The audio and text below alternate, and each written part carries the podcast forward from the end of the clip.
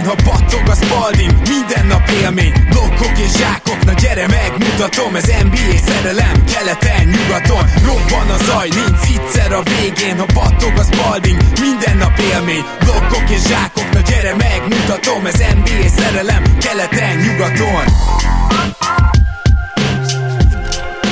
Éj jó! Szép jó napot kívánunk mindenkinek, ez itt a Rep City keleten-nyugaton podcast a mikrofonok mögött Zukály Zoltán és Rédai Gábor. Szia Zoli! Szia Gábor, sziasztok, örülök, hogy itt lehetek. Mag 21 promókod tudjátok, és ma folytatjuk a kiesőktől való búcsúzkodást, különösen, hogy mostanra már biztossá vált nyugaton a New Orleans Pelicans kiesése is, úgyhogy ilyen szempontból nem baj, hogy ezt nem egybe vettük fel kedden, és hát ugye ti ezt szombaton fogjátok hallani ezt a műsort, de ettől függetlenül ez már nem változhat, hogy ez az öt kiesünk van nyugaton, úgyhogy ez tök jó egyrészt, másrészt, amivel kezdeni fogjuk, az majd egy kis kitekintés az NBA világából, hiszen fantasztikus magyar kerékpár siker született, és erről valószínűleg én fogok egyedül beszélni egy percet, de nem csak Zoli hallgatja ezt végig, hanem a keddi adáshoz hasonlóan most is itt van körünkben az ezúttal egy darab óbetűs játékosról beszélni tudó Mészáros Péter, ugye Okojira gondolunk a Minnesota Timberwolvesból.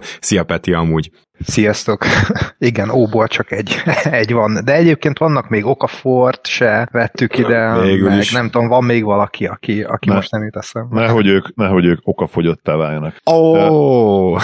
Én, én is üdvözlök itt Peti, és ahogy Gábor mondta, ugye nekünk meg kell hallgatni, amit mond, de természetesen nézőhallgatóinkat, nézőhallgatóinkat bátorítjuk, hogy ők nyugodtan azért pörgessék előre egy-két perccel, hogyha annyira nem érdekli őket a kerékpár, de hozzáteszem, hogy, hogy érdemes azért belenézni. Nem tudom, az Eurosport adja még, de régen, amikor én néztem, picit így megelőzve, amit Gábor mondani fog, mert nyilván, ahogy ő már utalt rá, abszolút nem értünk hozzá egyáltalán, tehát mi nem követjük, ő pedig nagyon-nagyon nagy szenvedélye követi. De amikor néztem én is régen, akkor, akkor nagyon szerettem egyébként, és érdekes módon azóta se nézem, úgyhogy lehet, hogy most ez tökéletes alkalom lesz arra, hogy változtassak rajta, és a Giron is követni Attilát, ugye? Igen. És esetleg utána akkor a Tour de France-on is, ha lesz idén, lesz, ugye? Lesz, megtartják a Tour de France, valószínűleg ott nem indul majd Walter Atti, hanem még, még a Vueltán indulhat, mert nagyon ritkán indulnak a Giron és a Touron is ugyanazok a, a bringások, tehát ez azért ritka, mert viszonylag közel van egymáshoz a két verseny, de beszéljünk egy picit Attiláról. Azt kell tudnotok, hogy most, ha szombaton meghallgatjátok, akkor elképzelhető, hogy már nem rózsaszín trikóban van Attila, főleg a szombati szakasz végére, de még az is bőven benne van a pakliban, hogy még mindig abban van. Hogy mit jelent ez? Átvette az összetetben a vezetést, és ilyet még soha nem csinált magyar kerékpárversenyző. Egyébként is Walter Atti a tavalyi évben tűnt fel, ahol a Giro d'Italián az utolsó hegyi szakaszon konkrétan top 10-be jött be, például Vincenzo Nibalit is elég nagy neveket megelőzve a hegyen, és akkor még ő segítőként volt ott, tehát volt egy első embere annak a csapatnak, amiben volt, és éppen ezért összetettben végül csak top 30, csak top 30-ban végzett, de hát idén első emberként ment, mégpedig a Frances de Jeu nevű csapat első embereként. Semmilyen nagy elvárással, tehát nyilván nem úgy voltak vele, hogy Attila reálisan esélyes mondjuk top 10-re, top 15-re. Na ez az, amit ő most egy kicsit átírt, ugyanis gyakorlatilag a legjobbakkal jött meg a hegyen, és en, annak köszönhetően, hogy korábban egy szökésből neki volt némi előnye, ebből is látszik, hogy őt elengedték szökni, hogy még egyáltalán nem gondolja úgy a mezőny, hogy ő egy összetettbeli esélyes, Szóval ezzel együtt most átvette a rózsaszínű trikót. Nem igazán esélyes a győzelemre, nagyon nagy nevek vannak a Giron, őket legyőzni nem, hogy csoda lenne, ez a már csoda, ami eddig történik, hanem, hanem egetrengető csoda, de azt gondolom, hogy ha így tud menni a hegyeken, mint ahogy a legutóbbi hegyi szakaszon teljesített, akkor könnyen lehet, hogy akár top 15-ös versenyzőnk van a Giron, ami megint csak egy olyan dolog, aminek magyar még a közelében sem volt. Úgyhogy Attila, innen is szeretnék szívből gratulálni, meg gondolom ez a gratuláció, ez, ezt, ezt műsorvezető társaim is osztják, így tovább Walter Ati, és a kedves hallgatók nektek pedig csak annyit mondanék, hogy ha eddig nem érdekelt a kerékpásport, akkor itt az ideje, hogy elkezdjétek követni Walter Attit a Giro d'Italián. Neked me- nekem abszolút meghoztad a kedvem, mert egyébként így, hogy Zoli is visszaidézte a Eurosportos időt, ez a képernyő turizmus, ez tulajdonképpen marha jó, hogy ott ülsz, és mondjuk a Tour de France-nak a, a részletes közvetítésein volt az, hogy olyan, olyan tájakat látsz, olyan szegleteit a világnak, ahová egyébként nem biztos, hogy, hogy eljutsz, és így, hogy még közben egy magyar kerékpárosnak is szurkolni lehet, ez szerintem így egy elég jó csomag. Uh-huh. Most nekem meghoztad a kedvet, köszi. Én is valószínűleg bele fogok nézni, úgyhogy uh, tejetek ti is így, ezt tudom tanácsolni. A nyugati utolsó ötnek a meccseivel már óvatosabban bánnánk, kivéve persze a hardcore szurkolókat. Nos, én azt gondolom, hogy el kellene kezdenünk a legnagyobb falatnál, az Oklahoma City Thundernél, amelyik szintén esélyes mind az évközbeni szétkapos díjunkra, mind a tankolós díjunkra. Azért én azt gondolom, hogy náluk a tankolós díj az az, ami igazán játszik, ugyan Persze elcseréltek egy pár játékost, például George Hill-t, tehát amikor kellett, akkor kellően lebutították ezt a csapatot, így, így, így fogalmazhatnék, és addig egy kicsit túl jók is voltak, mert egy nagyon jó egyzőt is találtak, de összességében ez a szezon szerintem egy fantasztikus szezon volt az Oklahoma-nál, teljes mértékben jövőben mutató, rengeteg tehetség kapott lehetőséget, és jó, oké, ilyen All Horfordot kiültették, Shai Alexander is ugye most sérült, és azért nem játszik, de ettől függetlenül ezeknek a, a srácoknak, hogyha lesz NBA karrierjük, főleg ha komoly NBA karrierjük lesz, akkor az ennek az évnek is lesz majd köszönhető, és azt gondolom, hogy az Oklahoma City mindent elkövetett azért, hogy a maximumot hozza ki ebből a szezonjából, amit nyilván még a draft lotteri sorsolásnál majd majd meglátunk, hogy pontosan hogy alakul, hiszen a Houston Rocketsnak is a pikje náluk lehet, hogyha top 4-en kívülre kerül. Mondjuk a Rockets azért eléggé erről majd beszélünk, hogy eléggé bebiztosította ezt a dolgot, de egyébként a saját pikjük is jó lehet, az is bemehet akár a négybe, úgyhogy én nagyon elégedett lennék most OKC szurkolóként, és ugye van egy valak pikjük emellé. Peti? Olyan sok statisztikát nem érdemes uh, megnézni egy ilyen tankszezon kapcsán, ami talán mégis uh, érdekes lehet, hogy ez az Oklahoma City Thunder a, a net rating alapján csont utolsó a ligában. Tehát itt három csapat ló ki picit, a, vagy talán négy, még a Rakicot is ide vehetjük. A Rakic mínusz 7,3, Cleveland mínusz 8,1, a Magicnek mínusz 9 a net rating és az OKC-nek még ehhez is majdnem, majdnem két ponttal kevesebb, tehát mínusz 10,8. Ahhoz képest, hogy 21 győzelmet összeszedtek, ez szerintem nem, nem olyan rossz. Tehát ígéretes a jövőre, hogy egy-két szoros meccset azért be tudtak húzni, nem reménytelen, nem reménytelen. Nekem pár játékos kifejezetten tetszik ebből a csapatból, csak hát az az egy centerpiece hiányzik még, de hát ennyi draft pickből, amennyi nekik van, valószínűleg össze fogják majd tudni szedni ezt a játékost is. Szerintem egy abszolút siker szezon ez az OKC-nél, és ezt már megelőzték ugye a cserék, Rahedli future pickjük van, és Rahedli érdekes játékosuk, egy olyan játékos mellett, aki többszörös all is lehet majd ugye Shai Gilgis Alexander személyében, és tényleg azért egy, egy, egy Lukens Dort, aki már most nagyon jó kiegészítő, de még jobb lehet majd a jövőben, illetve ugye Pokusevskit is lehetne említeni, aki, hát ugye tudjuk, hogy nagyon-nagyon boom or prospect, de, de voltak eléggé boom meccse is, és akkor kell, lehet említeni még azt a Darius Bezlét, aki ugye erőcsatárként is bevethető, kis csatárként is, mozgékony, nagyon jó atléta, csak 20 éves ő is, ki tudja, mit lehet belőle kihozni, lehet említeni még ugye véleményem szerint a, nyilván Tio Maledont, aki, akibe elég sokat investáltak ugye hosszú távra is, de nekem egy, egy Svi, Mikhailuk is, és egy olyan játékos, akire lehet majd esetleg építeni, és meg lehet kínálni egy szerződéssel. Isaiah Robi is NBA játékos lehet, belőle azért nem biztos, hogy kinéznek olyan potenciált, mint, mint komoly roleplayer, és, és akár egyébként Moses Brown, igen, ő, igen. Ő, is, ő is mutatott nagyon szép dolgokat, bár ugye ő azért, ő azért nagyon-nagyon tradicionális center, és hát elég lassú, viszont nagyon hosszú karjai vannak, és, és tényleg elég komoly statisztikákat hozott le még mérkőzésen. Erre kéne egy, egy igazi gyémánt majd, vagy a mostani drafton, vagy az azutánin, szerintem még az is rendben van. És nyilván az lenne az igazi, hogyha ezen a drafton jönne ez az igazi gyémánt, egy top, top 2-es pickkel, én azt mondom, akár top 3-assal is, bár Sachs kihúzni, nem mondjuk ki lehet húzni egyébként, hogyha, hogyha Cunninghamet kihúzod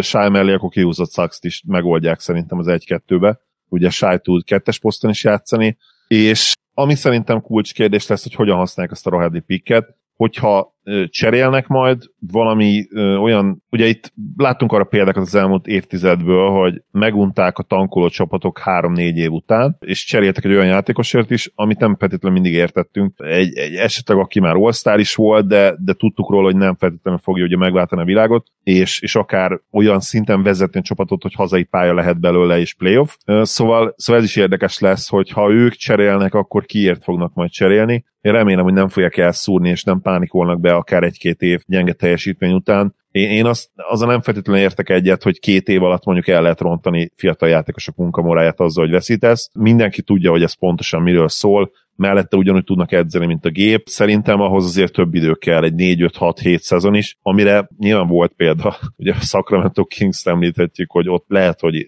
ebbe csúsztak bele ebbe a problémába, és, és azért is volt utána nehéz építkezni. Minden esetre összességében az okc egy nagyon-nagyon pozitív szituációnak ítélem meg. Leszámítva azokat a csapatokat, ahol már megvan ez az úgynevezett fő piece, ez a, ez a gyémánt, csiszolt vagy csiszolatlan, utánuk sorolom egyből őket az okc mert, mert sokkal inkább ez az építkezés, mint a, mint a treadmill példák, amiből fel tudnánk sorolni kettőt, hármat, négyet. Hadd vágjak közben picit, ahhoz szeretnék csatlakozni, hogy amikor arról beszélt, hogy itt a fiataloknak milyen munka morálja van, ugye, hogy még talán két név nem hangzott el, Kenrick Williams és Ty Jerome. Rájuk is igaz ez, viszont kifejezetten Moses Brownról olvastam, hogy amikor megérkezett ebbe a csapatba, ugye abszolút klasszikus center, és nagyon hamar kiderült, hogy ennek ellenére is van egy abszolút NBA elit skije, amiről ritkán szoktunk beszélni meg hallani, kiválóan tudott hallgatni, amikor az edző beszélt, és amit az edző mond neki, azt ő megcsinálta. Úgyhogy Moses Brownnak ez a sikertörténete, ez abból áll, hogy alázatosan és figyelemmel, amit kértek tőle, azt megcsinál edzésen és mérkőzésen is. Ugyanilyen játékos Kenrick Williams, akit én már a Lakersben is nagyon kedveltem.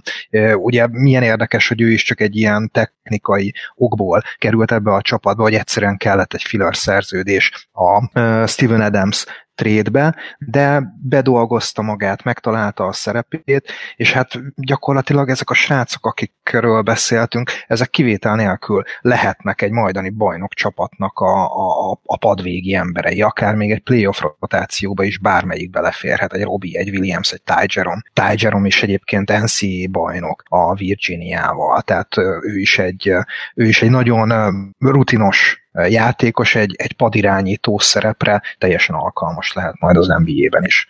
Úgyhogy nekem nagyon tetszik ez a kultúraépítés, ami itt Oklahoma-ban van. És hát ne feledkezzünk meg egy kiválónak tűnő egyzőről, aki ráadásul fiatal. Ez minden kultúrának az alapja lehet gyakorlatilag. Illetve érdekes, hogy már úgy összefonódott a New Orleans, a Lakers és az OKC itt a sok cserében és pikben, hogy te is Lakers-t mondtál, ugye Kennick Williams nyilván a Pelicansben tetszett, és nem a Lakersben.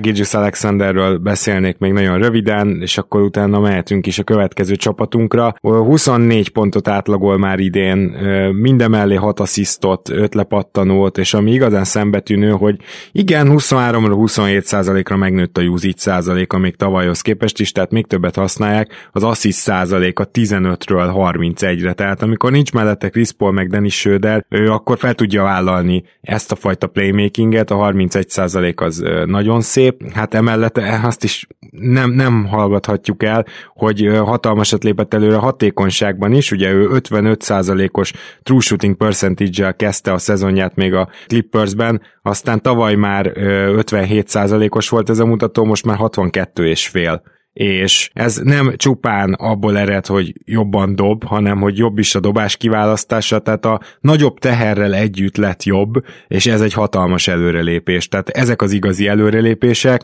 most már gyakorlatilag all szinten játszik, és abszolút megnövelte bennem is azt a képet, hogy mire lehet még képes, hogy mi lehet a plafonja. Shai Alexander top 15-ös játékos lehet szerintem az NBA-ben a leges legjobb esetben minden összejön, az pedig már közel franchise player szint, úgyhogy szerintem emellett nem menjünk el szó nélkül, és akkor nem menjünk el szó nélkül a Sacramento Kings egészen paródiába illő tényleg Benny Hill zenét alávágok kategóriájú szezonja mellett sem, amelyben éppen most futottak egy egészen elképesztő sorozatot, azt hiszem 6-ból 5 meccset nyertek, mielőtt most kikaptak a Grizzlies-től, úgyhogy nincs Fox. Teljesen követhetetlen volt végig a csaba, csapat, messze a legmegmagyarázhatatlanabb dolgok történtek velük a, az egész idei egyébként is káoszos alapszakaszban, tehát nagyon nehezen tudnék fogást találni azon, hogy mi a szar történt itt idén. Most talán Zoli kezdje. Sacramento Kings történt. Ezzel talán egyszerűen össze lehetne foglalni.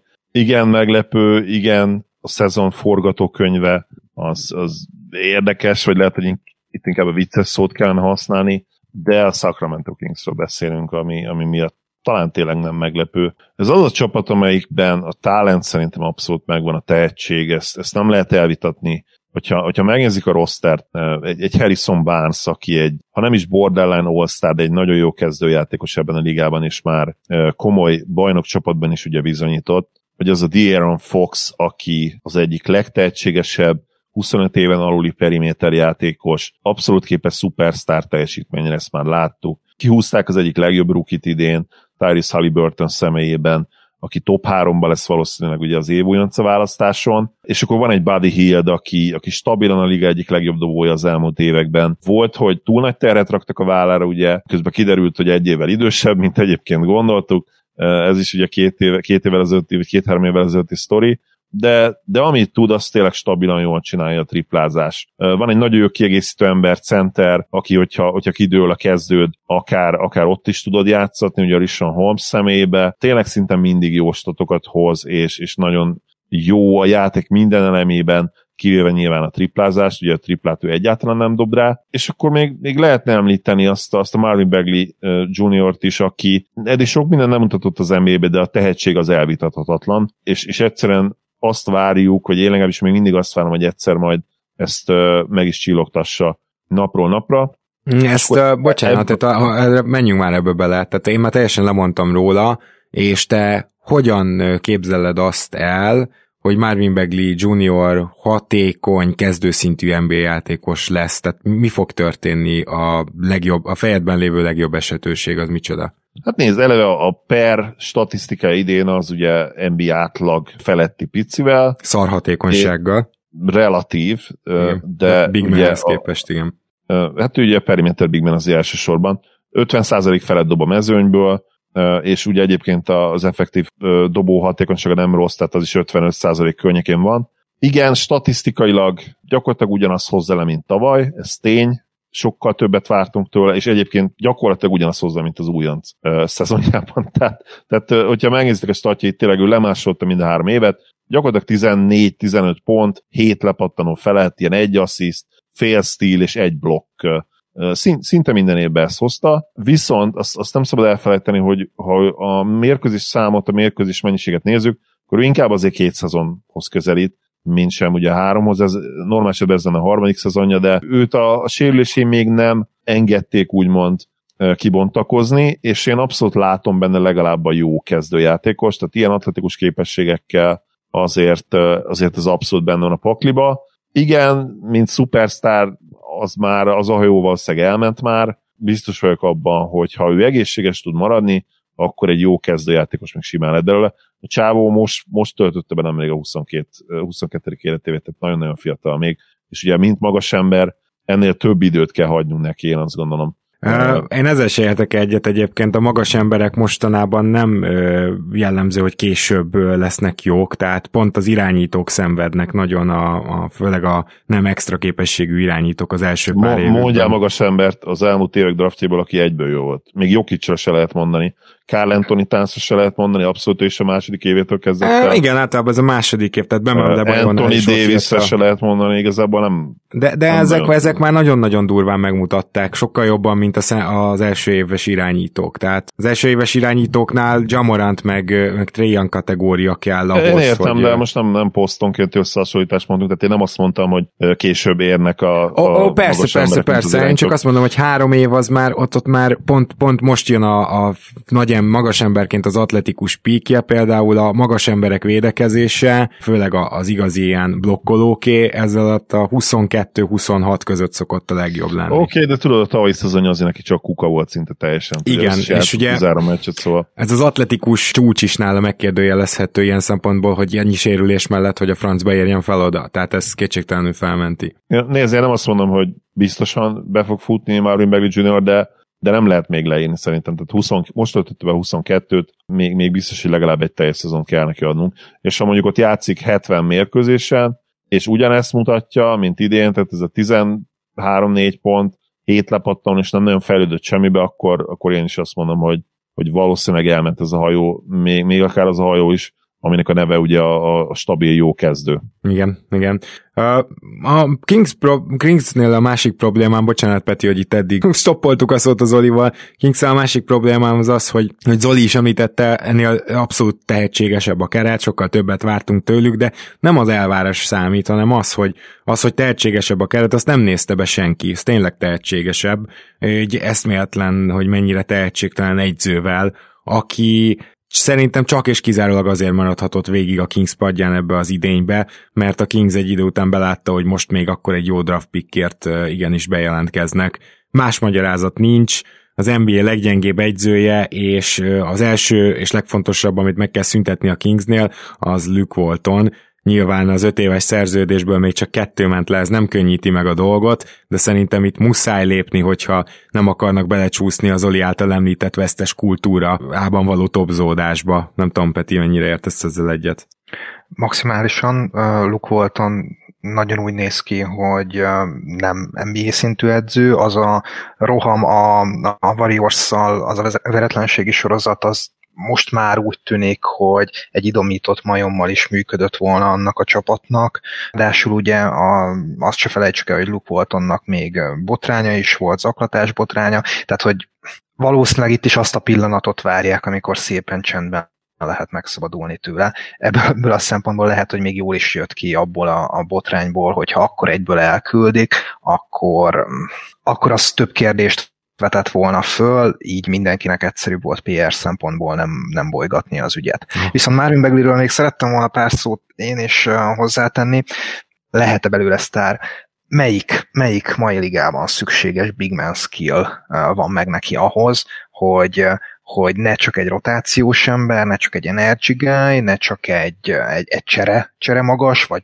scorer legyen, hanem, hanem igazi sztár. Mondjuk nézzük a, a Julius Randall párhuzamot. Randall dolgozott a, a tripláján, dolgozott a passzjátékán, elképesztően sok asszisztot adott már ebben a szezonban. Labdakezelése mindig is Labdakezelés. Az, igen, igen, és a védekezése is fejlődött. Ő ugye ebből a szempontból Wiener marad valószínűleg, de, de nem baj, más skijeivel ő ezt kompenzálja. De én most ebből a három mai kulcs skillből egyiknek a nyomait se látom még Marvin Beglinél. Már pedig, hogy egy sem lesz meg. De bocs, azt, hogy közeljátok a rendőrben még ennyire se látszódott az első három évben ez. Tehát rendőr gyakorlatilag egy olyan játékos volt, akiről úgy beszéltünk, hogy az NBA-ben sem fog megragadni, ugye ez 22 éves korában a harmadik szezonjában, ahol már gyakorlatilag bőven 20 perc felett játszott, de nem nagyon mutatott meg olyan skillt, ami például a triplázás, ugye triplája egyáltalán nem volt, meccsenként egy alatti kísérlet, és azt is 27%-kal dobta. Uh, Oké, okay, playmakingben Igen, már kezdett a harmadik mutatni, de,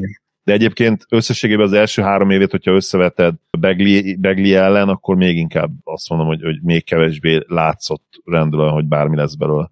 Hát szerintem egy kicsit statisztikailag is jobb volt, a büntetőt is jobban dobta, és abban igaza van az Zolinak, hogy ott sem volt még feltétlenül meg ez a, ez a fajta skill level, ami, ami most megvan egyébként az egy-egy elleni támadásnál is. Rendől most már a periméterről is tud támadni, visszalépős triplája is lett idénre, szóval e, ez egy valószínűtlenül nagy fejlődés, ezt a fejlődést Beglinél is valószínűtlennek tartjuk, attól még, hogy rendel végigment rajta. Viszont beszéljünk még egy dologról, ugye Diaron Foxról már Zolival ejtettünk pár szót, hogy azért fejlődött, nem igazán, tványosan, ha per 36-ra nézzük, meg a usage megemelésével nézzük, de azért egyértelműen fejlődött, és Diaron Fox mellett Halliburton is egy nagyon fényesen ragyogó történet lehet majd a Kingsnél, de hogy mire van szüksége ennek a csapatnak, nyilván leginkább a drafton, azt a kérdést tenném fel, akkor mind a ketten kérlek, hogy reagáljatok röviden, Zoli. Nem tudom, jó kérdés. Ugye én még Foxot sem vettem meg, mint franchise játékos, de ha, vala, ha valakinek van esélye erre a jelenlegi rossz ebből, akkor nyilvánvalóan ő. Nem biztos, hogy kell bárki, hogyha Fox be tudja jövőre teljesíteni azt a, azt a tényleg hihetetlen potenciált, ami benne van, és, és lehoz mondjuk egy, egy 28 pontos, 8 asszisztos, 39-40 százalékos triplázós szezon, akkor, akkor simán play vezetheti egyébként a, a Kings-t, mert megvan körülött a roster. Viszont ha, ha nem lesz ez a játékos Fox, akkor meg a válasz az a kérdésre, hogy hogy bárki, aki ez a játékos lehet, akár posztól független. És ezzel azt mondom, hogy bemákolja a Sacramento Kings az 1 per 1-es pikket, mert náluk van a pikk, ugye? Náluk, náluk. Igen. Ha, ha bemákolják az 1 per 1-es pikket, ki kell húzni Cunninghamet, és tojni rá, hogy a legjobb játékos ugyanazon a poszton játszik, nem fogják elkövetni még egyszer azt a hibát, amit Luka Doncsicsel elkövettek, az garantálom neked. Ki fogják szépen húzni Cunninghamet, és valahogy megoldják. Igen, Cunninghamben abszolút látom, mert hogy ő védekezésben lehet 3-as, 4-es, szóval ráadásul ott, ott nincs is ilyen, ilyen igazi poszt probléma. Én azért azzal nem értek teljesen egyet, hogy akkor mehetsz be playoffba a Sacramento, hogyha Fox még egy ilyen lépést tesz. Szerintem az idei Sacramento-nak is be kellett volna menni a playoffba, és ha mondjuk nem a liga 30 hanem mondjuk a második legjobb egyzője ülne a padon, akkor be is mentek volna. Tehát én ennyire hiszek a jelenlegi keret tehetségében is. Szerintem Holmes például, ahogy róla is talán mondták két szót Zoli, egy nagyszerű center, ezt meg is mutatják az advanced statok is, Harrison Barnes is abszolút továbbra is egy hasznos TND játékos, akinek van egy kis ö, ö, ö, saját támadó játéka is, tehát itt, itt jó játékosok vannak, akiknek jó része még védekezni is tud,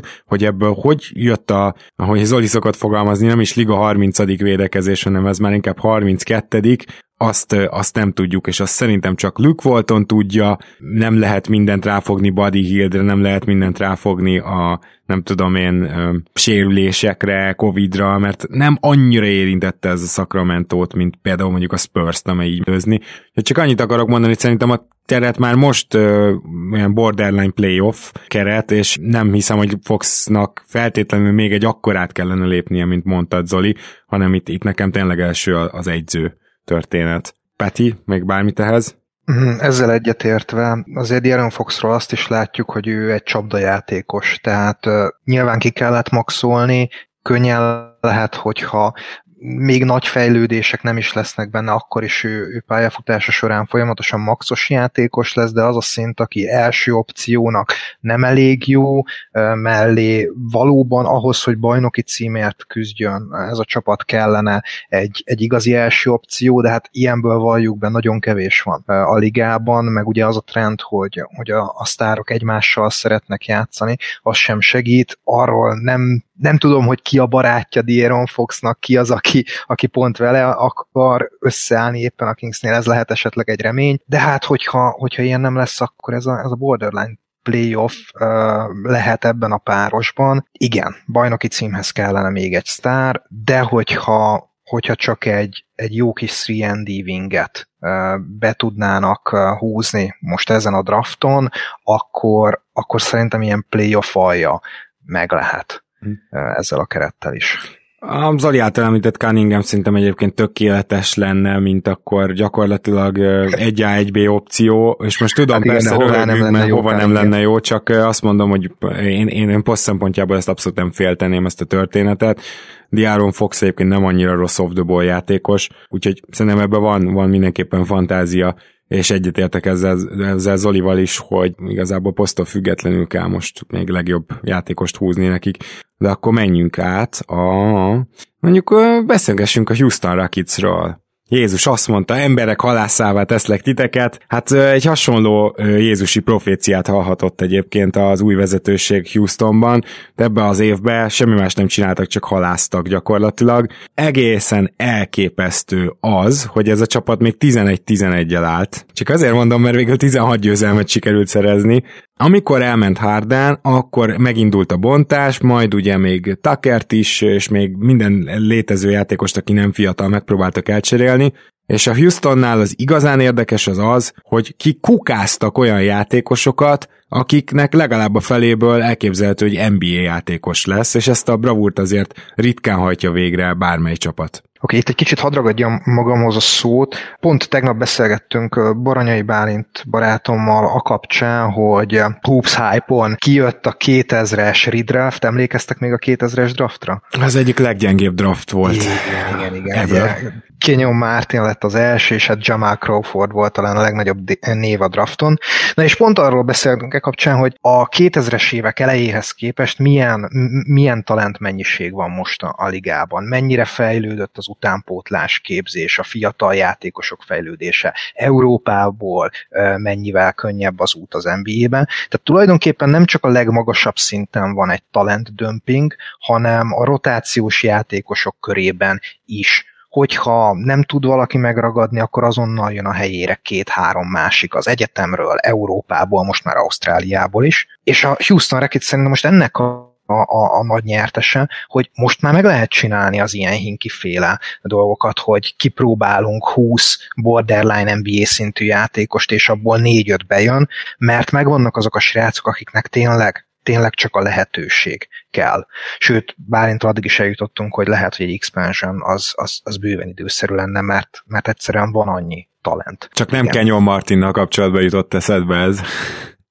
Mármint juniorral nem csak vele kapcsolatban, de ugye az ő esete is nagyon érdekes, aki ugye nem ment se Európába, se egyetemre, se semmi, ő egy ilyen prep schoolban készült fel az NBA-re. Engem meglepett, hogy őt ledraftolta a, a Houston, de hát, de hát ne, neki is az kell, hogy lassan fejlődhessen, mert azt a, azokat az elképesztő fizikai paramétereit, amelyekkel rendelkezik, azt még bőven csiszolnia kell, és ezt egy ilyen csapatban lehet megtenni. Nem csak ő volt az, akit itt kikukázott egy egyébként a Houston itt a hatalmas vereség sorozatok közepette. Tehát kapásból kezdjük ott, hogy ugye Wood igazolás az azért tűnik jónak, mert nagyon kevés pénzből igazolták, és ezt már akkor is mondtuk Zolival, hogy igen, ez jó üzletnek tűnik. Szerintem ez nem változott. Az, hogy ő egyébként majd sérülékenység szempontjából mennyire tud az NBA-ben érvényesülni, az szerintem még továbbra is egy nyitott kérdés, tehát ezt a szezont sem úszta meg azért úgyhogy rásüthessük a vasember mottót, hogy finom legyek. John Wall szerződése, amíg kiketyeg, addig akár még egy ilyen évük is lehet, ezt is gyorsan hozzátenném.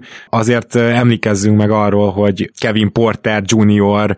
nagyon úgy néz ki, hogy itt nem csak a szabadságot kapta meg, és az egyébként is meglévő önbizalmát élhette ki, hanem olyan teljesítményeket is hozott támadásban, amiből hát minimum egy hatodik ember szerepe felsejlik, és akkor ez még a, a leges legalsó határ, és ugye Jason Tate-ről is már sokat beszéltünk Zolival ebben a szezonban, de ott is hangsúlyoznám, hogy igazából az Ausztrál ligából hozták át, és mondhatjuk így, hogy daftolatlan ruki, de azért ezzel nem fedjük le teljesen azt, hogy a Houston Rockets gyakorlatilag a világ minden szegletéből és minden lehetséges módon megpróbált ebben az idényben olyan embereket összeszedni, akik később még hasznukra válhatnak. A többi csapat hogyha megnézitek az összes többi 29 csapatnál most ennyi ilyen draftolatlan, meg innen-onnan beszerzett játékos, aki bejött, talán csak az OKC-ben van, vagy ott is inkább későn draftoltakról beszélhetünk, szóval ilyen szempontból volt sikeres ez a Houstoni szezon, de azért gyorsan hozzátenném, nem tudom egyetértesz Zoli, hogy ez a keret folyamatosan erősebb volt annál, mint ahogy játszott Hardennel is,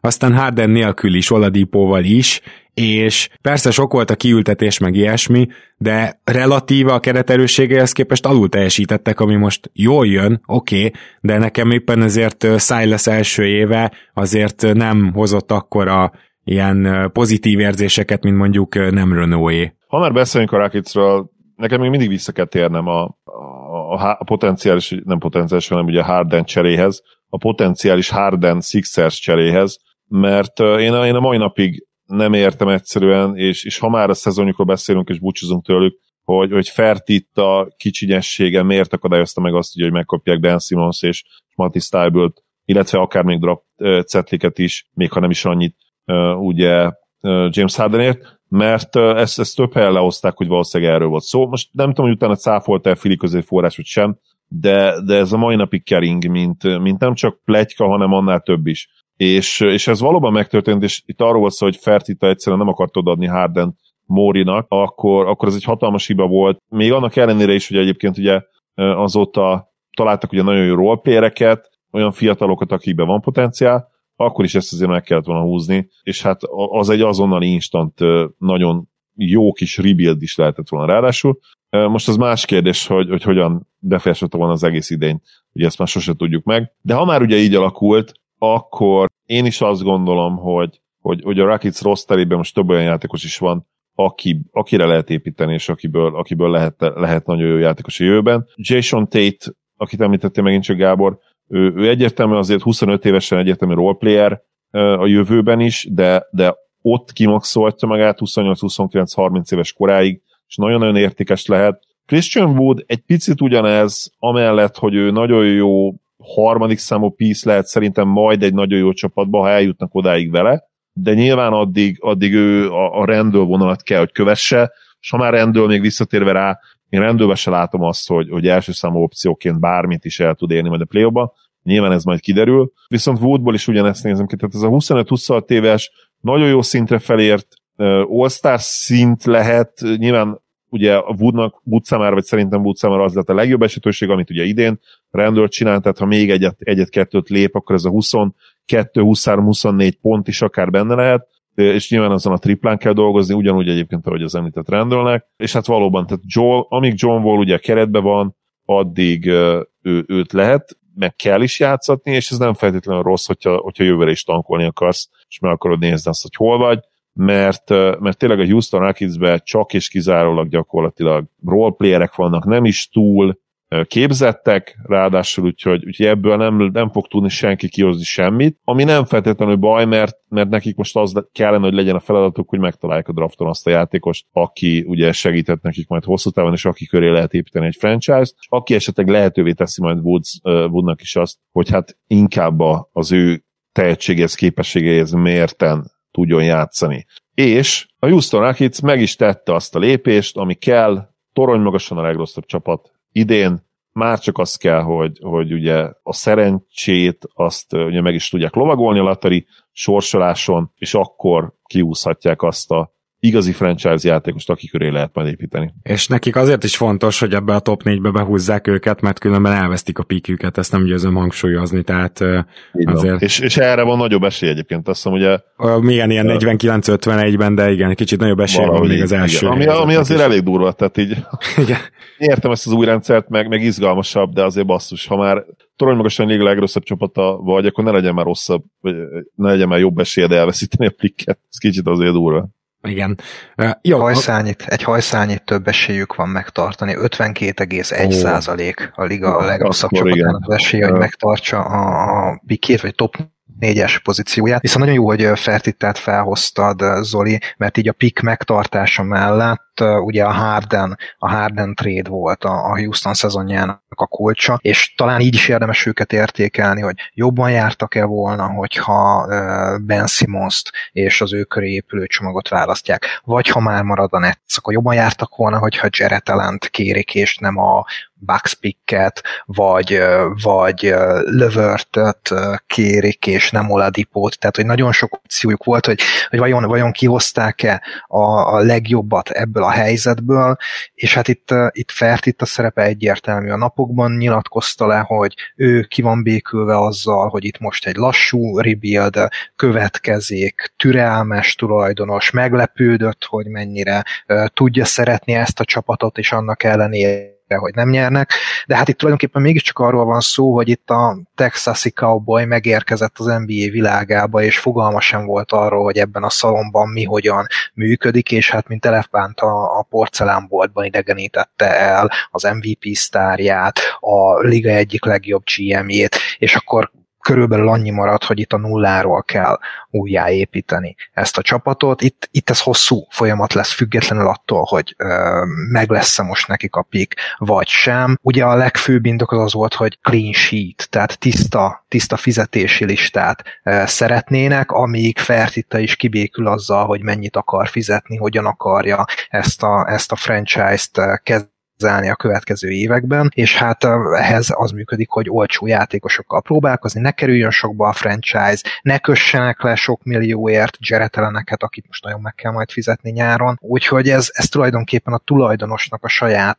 hát, filozófiájából tapasztalatlanságából következő uh, ilyen hétszűkesztendő lesz. Kicsit hasonlóan, mint amikor, mint amikor az indiai tulajdonos uh, Vivek megérkezett a, a, a Kingshez, és ott is el kellett pár évnek telnie, míg konszolidálódott minden. Igen, most akkor beszélgessünk egy picit egy másik tulajdonosról, aki éppen most adja el a franchise-át, a Minnesota Timberwolvesról van szó természetesen.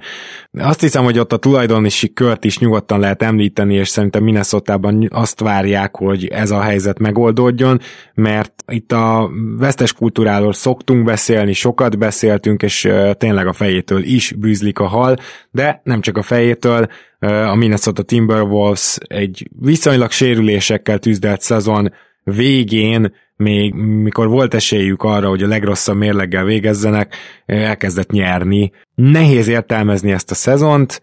Nyilván Ricky Rubio-t gyakorlatilag sikerült eltemetni, azt gondolom, hogy az már meglepő lenne innen, hogyha még újra NBA játék, vagy egy legit kezdő NBA játékos lenne, és az egyetlen olyan játékos, aki a győztes kultúrát képviselte, én azt mondanám, azt is behúzta ez a franchise a, a sülyeztőbe, és ez mindent elmond a Minnesota Timberwolves jelenlegi állapotáról, amikor most nem kéne, akkor meg nyernek, ugye csak top 3 protected az a pick, úgyhogy a Warriors nagyon-nagyon örül, mert elég kevés esélye van a Minnesota Timberwolvesnak arra, hogy ez a pick ez top 3-as legyen.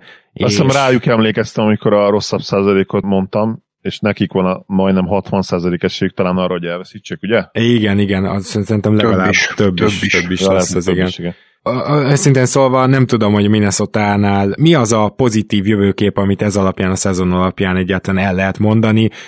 McDanielsről beszéltünk korábban, hogy ő egy fasza négyes lehet majd, mit tudom én, két év múlva, hogy, hogy most itt D'Angelo Russell, meg Carl Anthony Towns és a, a nagyot fejlődő, a szezon során nagyot fejlődő Edwards hogy tudja mondjuk playoffba vezetni ezt a csapatot ezzel a védekezési potenciál, ami, ami, ami ebben a csapatban van, és hát nem, nem tudom, na, ne, nagyon nehéz mit mondani, az biztos, hogy sikerült egy relatíve jó egyzőt találni szezon közben, és Edward sokat fejlődött, hogy ezt a két pozitívumot azért mégiscsak kiemelném. Én, én gyors leszek, és utána átadom Petinek a, a szót. Én elcserélném Towns-t, elcserélném Russell-t, és, és Edwards köré építenék újra, és, és a lehetőleg az idei draftra bejövő pickért. Tök egyértelmű, hogy beajánlanám Carl Anthony Towns az 1 per 1-ért a draft után is, lehet, hogy az 1 per 2-ért is, de ott már azért szeretnék komolyabb ellenértéket, esetleg egy future first még Towns mellé, nem tudom mennyire realisztikus ez jelenleg, de, de tök egyértelműen ezt próbálnám meg a Minnesota helyében, mert a kérdésedre válasz, hogy miben lehet még reménykedni, abban nem, hogy a Russell Towns duóból bármikor olyan, olyan kohézió lesz, amivel ők nem csak, hogy bejutnak a play mert bejuthatnak jövőre a play most egy play-in helyre odaérnek, vagy egy nyolcadik helyre, azzal bejebb vagyunk, nem vagyunk bejebb. Volt már a Towns féle Timberwolves a play mire mentünk vele? Semmire. Tehát náluk fel kell építeni valami újat, és elengedni ezt a dolgot. Most már azért fél évtizede próbálkozunk ugye Carl Anthony towns aki, aki tényleg űrstatokat hozott több évben is, de a csapat úgy soha nem volt igazán jó vele. A csereértéke viszont még mindig nagyon durván jó lehet jelen pillanatban, és én azt gondolom, be kell egy ilyen drafton, nem kérdés, hogy oda kell ö, ajánlanod az 1 per 1-es pickért Cunninghamért, aztán maximum kiröhögnek, de megpróbáltad. És Anthony Edwards pedig nagyon komoly potenciállal rendelkező játékos, neki oda kell adni a kezébe a labdát, hogy átmenjen, végigmenjen azokon a hibákon, amik, amikre szüksége van, mert benne abszolút szupersztár potenciál van, ez nem kérdés. Tehát ezzel a, ezzel a jól kinéző jumperrel, a labdakezelés, a, a tripla is, ami, ami ott van már a szezon második felében, passzjáték is lehet belőle, komolyabb playmaking, nagyon fiatal, ugye a liga egyik legfiatalabb játékosa, oda kell adni kezébe a labdát, és, és új, új lapot nyitni a következő egy per egyel ugye tánc után, akiért pedig behúzza minden értéket, amit tudsz. Uh-huh. Igen, tehát a nagyon-nagyon max potenciálja lehet, hogy szupersztár. Egyébként nekem a, erről a játékosról az jut eszembe, tehát a Edwardsról, akinek Tyreek Evansnek lennie kellett volna.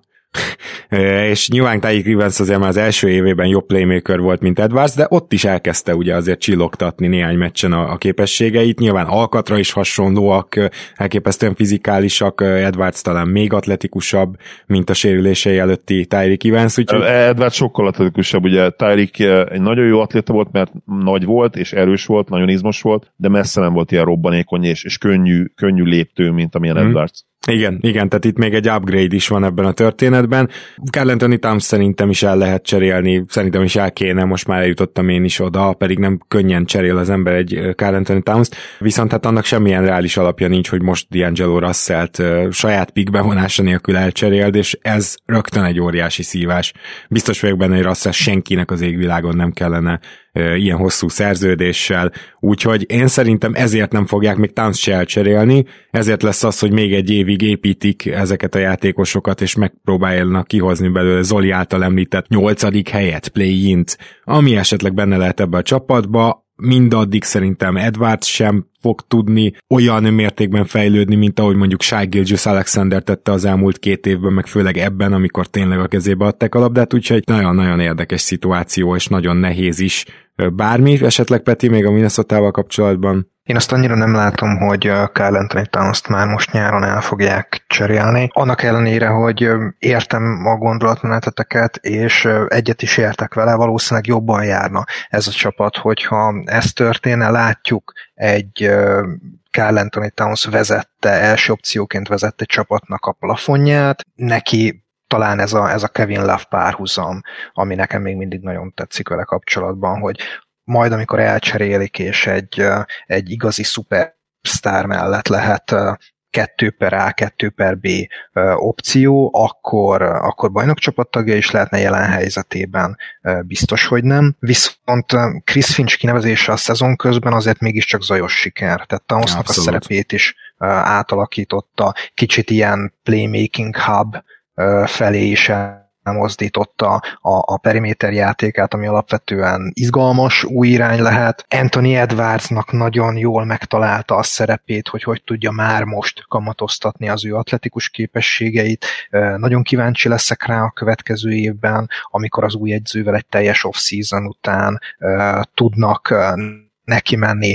Lehet, hogy megmarad a pick, lehet, hogy nem marad meg a szinte mindegy. Most Finchnek és ennek a Towns uh, Ant The Cat and the Ant, tehát mint ah. hogy mese lenne a macska és a, és a hangya. Na mindegy, kiegészítve russell hát még egy, egy, évet, egy évet ennek a projektnek adni kell, tehát az új edző alól nem cseréled el Nyilván. a sztárt, amikor, amikor meg, meg mondom ezt, hogy, hogy russell nem, is, hogy russell nem is tudod elcserélni, addig viszont meg miért cserélnéd el Towns? Tehát, ja, nyilván, hogyha olyan opció van, hogy Cunninghamért, akkor az egy másik kérdés, amit Zoli mondott, de hogyha ennyire nem vadul gondolkozunk, akkor viszont én is azt látom reálisabbnak, és szerintem akkor Zoli is, hogy ugye egy évet valószínűleg ez a projekt még fut. Jó, menjünk tovább akkor az utolsó csapatunkra ma. Amikor a Sacramento Kingsnél azt mondtam, hogy a keret tehetsége jelenleg is sokkal többre predestinálja őket, akkor ezt a mondatot elmondhatnám ugyan a New Orleans Pelicansnél is, csak hogy itt a keret nem illik össze. És Stan Van Gandit lehet, hogy egy picit igazságtalanul bántjuk, amikor annyira a legrosszabb egyzők között emlegetjük. Az ő szerepe is elvitathatatlan abban, hogy a Pelicans idén nem jutott még play-inbe se, de Összességében ma szezon elején is azt mondtuk, hogy ez a keret nem fog tudni védekezni, és nem illik össze támadásban. És mind a kettőbe igazunk lett, és ezt nem az önválveregetés miatt mondom, hanem azért, mert minden Magyarországról is ezt primán előre láttuk. Lehet, hogy azok az elvárások, főleg New Orleansban, hogy na idén akkor már playoff, meg tényleg jók akarunk lenni, az túlzás volt, ráadásul igazán jó pikkjük sem biztos, hogy lesz, azért, mit tudom én, a tizedik, tizenegyedik legrosszabbak. Hát ez, ez nagyon egy ilyen limbo szezon volt, és őszintén szólva a keret átalakítása nélkül jelentős előrelépést még Point Zionnal sem várnék. Nem tudom, ti hogy vagytok vele, Peti? Igen, az az érzésem a pelicans kapcsolatban, hogy mintha ezt a lemezt már hallottam volna egy párszor, hogy megvan az egy per egyel, vagy akár későbbi pikkel a franchise cornerstone alapkő, és akkor indulunk, és Steven Adams-eket hozunk, és Bledsoe-t is elfogadjuk a, a Drew Holiday cserében, és nem passz passzoljuk le tovább az OKC-vel, mert ez a keret hogy fog működni. Hadd hadd közben. Ráadásul a Pelicans tök ugyanezt megcsinálta Anthony davis Igen, igen, és, igen. És saját hibáikból se tanultak. Így van, így van, ezért is van ilyen, ilyen nagyon erős deja vu érzésem, de hogy kicsit utána gondolva, igazából a Mavs is ezt csinálja Lukával, hogy akkor azonnal jónak kell lenni, és, és a, a Cavs is ezt csinálta LeBronnal, tehát hogy amikor van egy ilyen korszakos tehetség, akkor nagyon nehéz megállni azt, hogy ne kezdjük kezdjük el a csillagos eget álmodni már a következő szezontól. Ebben igazad van, Peti, de egyszerűen nem lehet amellett elmenni szó nélkül, hogy Luka a hármuk közül a leginkább az első évében uh, franchise playernek nézett ki, és nem csak ígérete, ígéretbeli franchise playernek, a második évében top 5-ös játékosnak nézett ki az NBA-be, de top 10-esnek, egyértelmű franchise player már. És azért Zion-t ennyire nem dimenzionálnám túl, még most sem, még a point zion sem, tehát nincsen olyan ráhatása a csapatára, mint Lukának, bár Tegyük hozzá, hogy félelmetes támadó ö, offenzív ratingeket hozott a csapat, amikor ez az egész jelenség beindult, úgyhogy kezd felérni arra a szintre, védekezésbe meg se közelíti még Lukát se, ami azért, ez egy durva mondat, mert Luka egy közepes védő, tehát nem az van, hogy baromi magasra felraktam itt a lécet, és azért nyilvánvaló, hogy a, a scoring önmagában elit playmaking nélkül még nem eredményez elit játékost, vagy csak a leges, legszélsőségesebb Duranti esetekben, és azért itt még elit playmakingtől nagyon messze vagyunk. Szóval Na, összességében ez a különbség a között, hogy a Mavs miért kezdhet el ezen az úton járni, és a New Orleans miért siette el szerintem. Én ezzel tökéletesen egyetértek, csak arra próbáltam rávilágítani, hogy azért itt nagyon kevés olyan minta van, amikor tényleg türelmesen meg lehetett várni. Talán az OKC jut csak eszembe az elmúlt évekből, amikor Durant után még Westbrookot és harden be tudták húzni, és utána már, már kiépült a mag. Szóval, hogy mondjam, látom az okokat, látom a trendeket, hogy miért Miért gondolkodott így, így, így a Pelicans, engem az zavar inkább, hogy tényleg ennyire borzasztó, egymáshoz nem passzoló fiteket hoztak össze. Tehát a Steven Adams igazolás védhetetlen. Uh-huh. De az, még a hosszabbítás is. Várjál, hát, hogy meghossz, mi leigazolták és meghosszabbították egy évvel. Igen, a, talán kettővel, de az, az mondjuk nem olyan borzasztó szerződés. Tehát, hogy, hogy a 25 millió után neki talán valamilyen 16 millió lesz a következő éve, meg két évig. Tehát az nem olyan borzasztó szerződés, hmm. valószínűleg ez járhatott Griffin eszében is, hogy ez egy, ez egy nagyon jó érték, egy cserélhető szerződés lesz. Nem, nem biztos, hogy az, de tehát nem jött be. Ingram látom, hogy miért gondolta azt Griffin, hogy majd jó fit lesz Zion mellé, de nem jó fit Zion mellé. Tehát igazából az alapokról kellene újjáépíteni ezt a csapatot. És lehet, hogy pont azt Alonzóból kellene megtartani, akit most ki kell tömni. Nem tudom, nagyon, nagyon érdekes szituáció ez. Tehát itt, itt egy koncepció kell, vagy az edzőtől, vagy a, vagy a, a GM-től, de, de valahogy el kell kezdeni Zion köré építkezni most már. És én még egy záró gondolatként, mert sajnos nekem mennem kell, de záró gondolatként Zoli azt a kérdést tenném fel, hogy amúgy a Pelicansnek a játékos fejlesztésével te hogy állsz, mert annyira nehéz megítélni. Mármint azt, hogy Zion fejlődik, nagyjából úgy, ahogy vártuk. Ingramből azért ez a nagyobb szerep többet hozott ki. Én nem vagyok róla meggyőződve, hogy ezek a fejlődések ezek annyira a, a Pelicans kultúrájának és egyébként fejlesztő csapatának köszönhetőek, különösen, hogy hát nagyon pici előrelépésekről a háttér fiataloknál beszámolhatunk, de azért ha, ha nem lett volna itt a szezon végi Hayes forma, ami, ami na az tényleg biztató volt, meg triplázik az ember, meg, meg végre lepattanózik, akkor, akkor ezért én rávágtam volna, hogy, hogy nem tudom, hogy, hogy a, a szuper tehetségeik azok persze fejlődnek, mert azok szinte mindenen áttörve fejlődnek általában az NBA-be. Nem tudom, hogy ilyen szempontból jól állnak-e, hogy, hogy jó fejlesztő csapat-e ez így. És lehet, hogy egyszerűen csak az van, hogy mivel nagyon eredményt akarnak, ezért nem férnek bele a hibák, ezért kevesebb játékos, játék lehetőséghez jut majd Kyra Lewis Jr., Nickel Alexander Walker. Idén játszogattak, játszogattak, de nem, nem, nem, nem vagyok benne biztos, hogy milyen potenciáljuk van, és hogy az itt például kijönne majd belőlük. Josh Hart is már lassan kezdhetne, őszintén szólva, az, hogy Bledsoe a szezon nagy részébe kezdett, hártal szemben, az nekem megint védhetetlen. Szóval, hogy, hogy nekem ilyen problémáim is voltak a Pelicanzel, nem tudom, te hogy vagy vele. A player development edzők között ott van ugye Ben Udrik és Cory Brewer, természetesen ezt nem tudtam fejből, nem most megnéztem, ami, amíg beszéltél.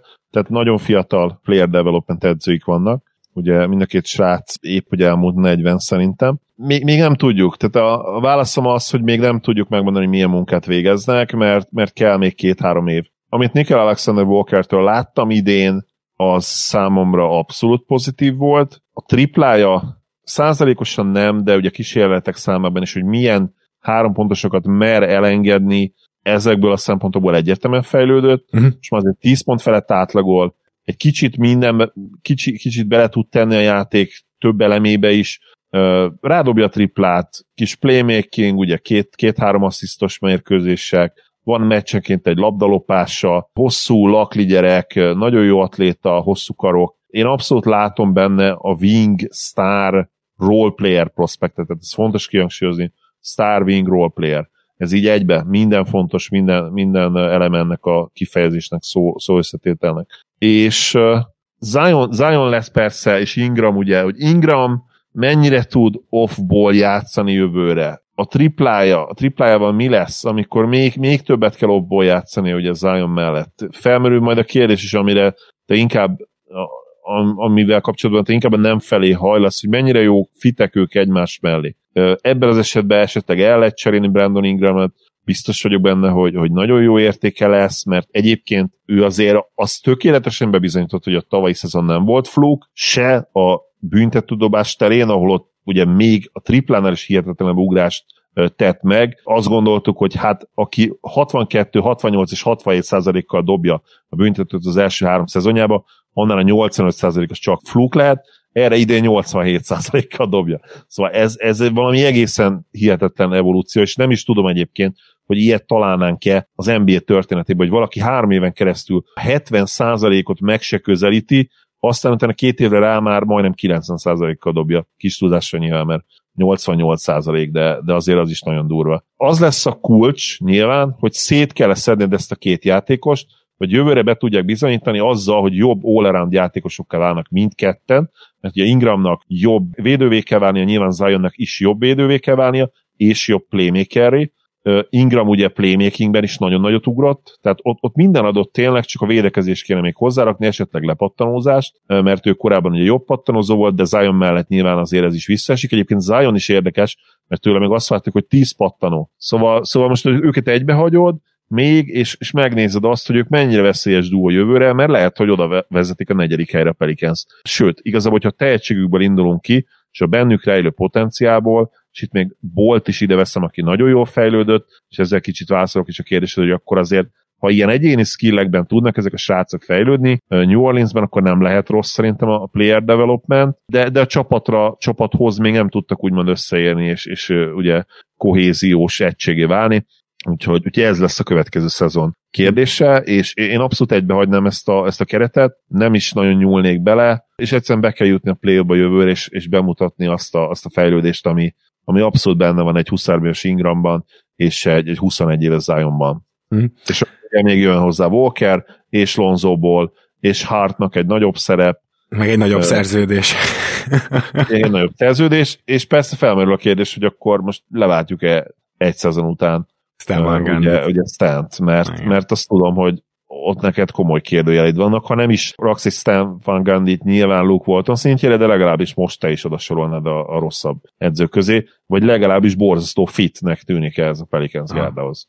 Miért te nem? Hát lehet egyébként, igen, mert itt azért nagyon komoly talent mennyiség van, és, és ha statisztikailag megnézed a játékosokat, a boxscore statjaikat, akkor nagyon furcsa az, hogy miért csak ennyi mérkőzést nyertek, és ilyenkor azért mindig az edzőt kell elővenni, vagy edzőt szoktuk elővenni, úgyhogy ebben azért lehet valami, igen. Hát igen, de azt gondolom, hogy ezt a keretet jó egyző sem tudná jobban egybe gyúrni, mert, mert szarfitek egyelőre egymás mellé, tehát ugye még ez a, ez a paradoxunk is itt van, hogy hiába a sok tehetség, hogyha, hogyha nem illenek egymás mellé. Jó, Peti, bármilyen gondolatod még a Pelicansről? Két nagyon rövid gondolat, az egyik, hogy Brandon Ingram statlapját nézzétek meg, a tavalyi évével összevetve megérkezett a ligába, ő az a játékos, aki szinte lekopízza így az elmúlt évét, valószínűleg tőle az elkövetkezendő években is ezt lehet várni. Ez kérdés persze, hogy a, a player development részlegnek mennyire az érdeme, mert gyakorlatilag ahogy megérkezett egy cserében, egyből már ennek a játékosnak tűnt. A másik pedig, hogy ugye Fangandi szerepe abból a szempontból érdekes, hogy amíg igazi tétmeccseik voltak, addig ő nagyon-nagyon rövid rotációkat alkalmazott, tehát itt is itt is kicsit a kérdéses, hogy mennyire láthatjuk meg egyáltalán egy Jackson Hayes-nek, egy Kyra Lewis Jr.-nak, vagy, vagy Nickel Alexander Walkernek a fejlődését, hogyha a szezon végéig igazán komoly perceket nem kaptak. Hát tulajdonképpen Josh Hart sérüléséig volt egy ilyen elképesztően rövid rotáció, amikor mindenki 30 percet játszott a kezdőkből, meg még Hart is, és a többieknek tényleg pillanatai voltak. Tehát itt a keretet kell szerintem kialakítani, és itt isme, ismétlem csak magam, hogy mi lehet működőképes csapategységnek az alapja. Mészáros Péter, köszönjük szépen, hogy itt voltál, és elbúcsúztattad velünk ezt az öt nyugati csapatot, és Okojit még szóba se hoztuk a Minnesota-nál. Én köszönöm a lehetőséget, sziasztok! Én is köszönöm, hogy itt voltál, Peti, szia! Zalimi pedig hamarosan már play-in elemzésekkel jelentkezünk, illetve elkezdjük szépen beharangozni a playoffot, úgyhogy megérkezett végre ez az egész történet oda, amit már régóta vártunk, és hát nyilván vasárnap egy elképesztően izgalmas utolsó játéknap is lesz, úgyhogy én most neked személyesen is, és a kedves hallgatóknak is jó meccsnézést kívánok a következő időszakra örülök, hogy itt lettem, és uh, alig várom a play elemzéseket, és hogy kiderüljön végre, hogy ki kivel játszik, mert még az utolsó előtti játéknapon sem nagyon tudjuk ezt pontosan, ugye? Van már, ami kiderült, de van, van ami még nem. A négy-ötök se derültek még ki, amik, amik elé én nagy izgalommal nézek, és remélem, hogy összejön a Mavericks Nuggets első kör, mert, mert ott nyilván én valamilyen szinten belennék biztosítva, bármilyen kibenetel az, az nekem nem annyira rossz, nyilván a Mavericksnek drukkolnék, de legalább annyi öröm lenne, annyi öröm lenne az örömben, hogy akkor Joker a második körben van. Örülök, hogy itt lettem. Szia Gábor, sziasztok! Kedves hallgatók, megyünk tehát tovább. Köszönjük szépen, hogy hallgattok és hogy támogattok minket. Minden jót, hamarosan jelentkezünk. Sziasztok!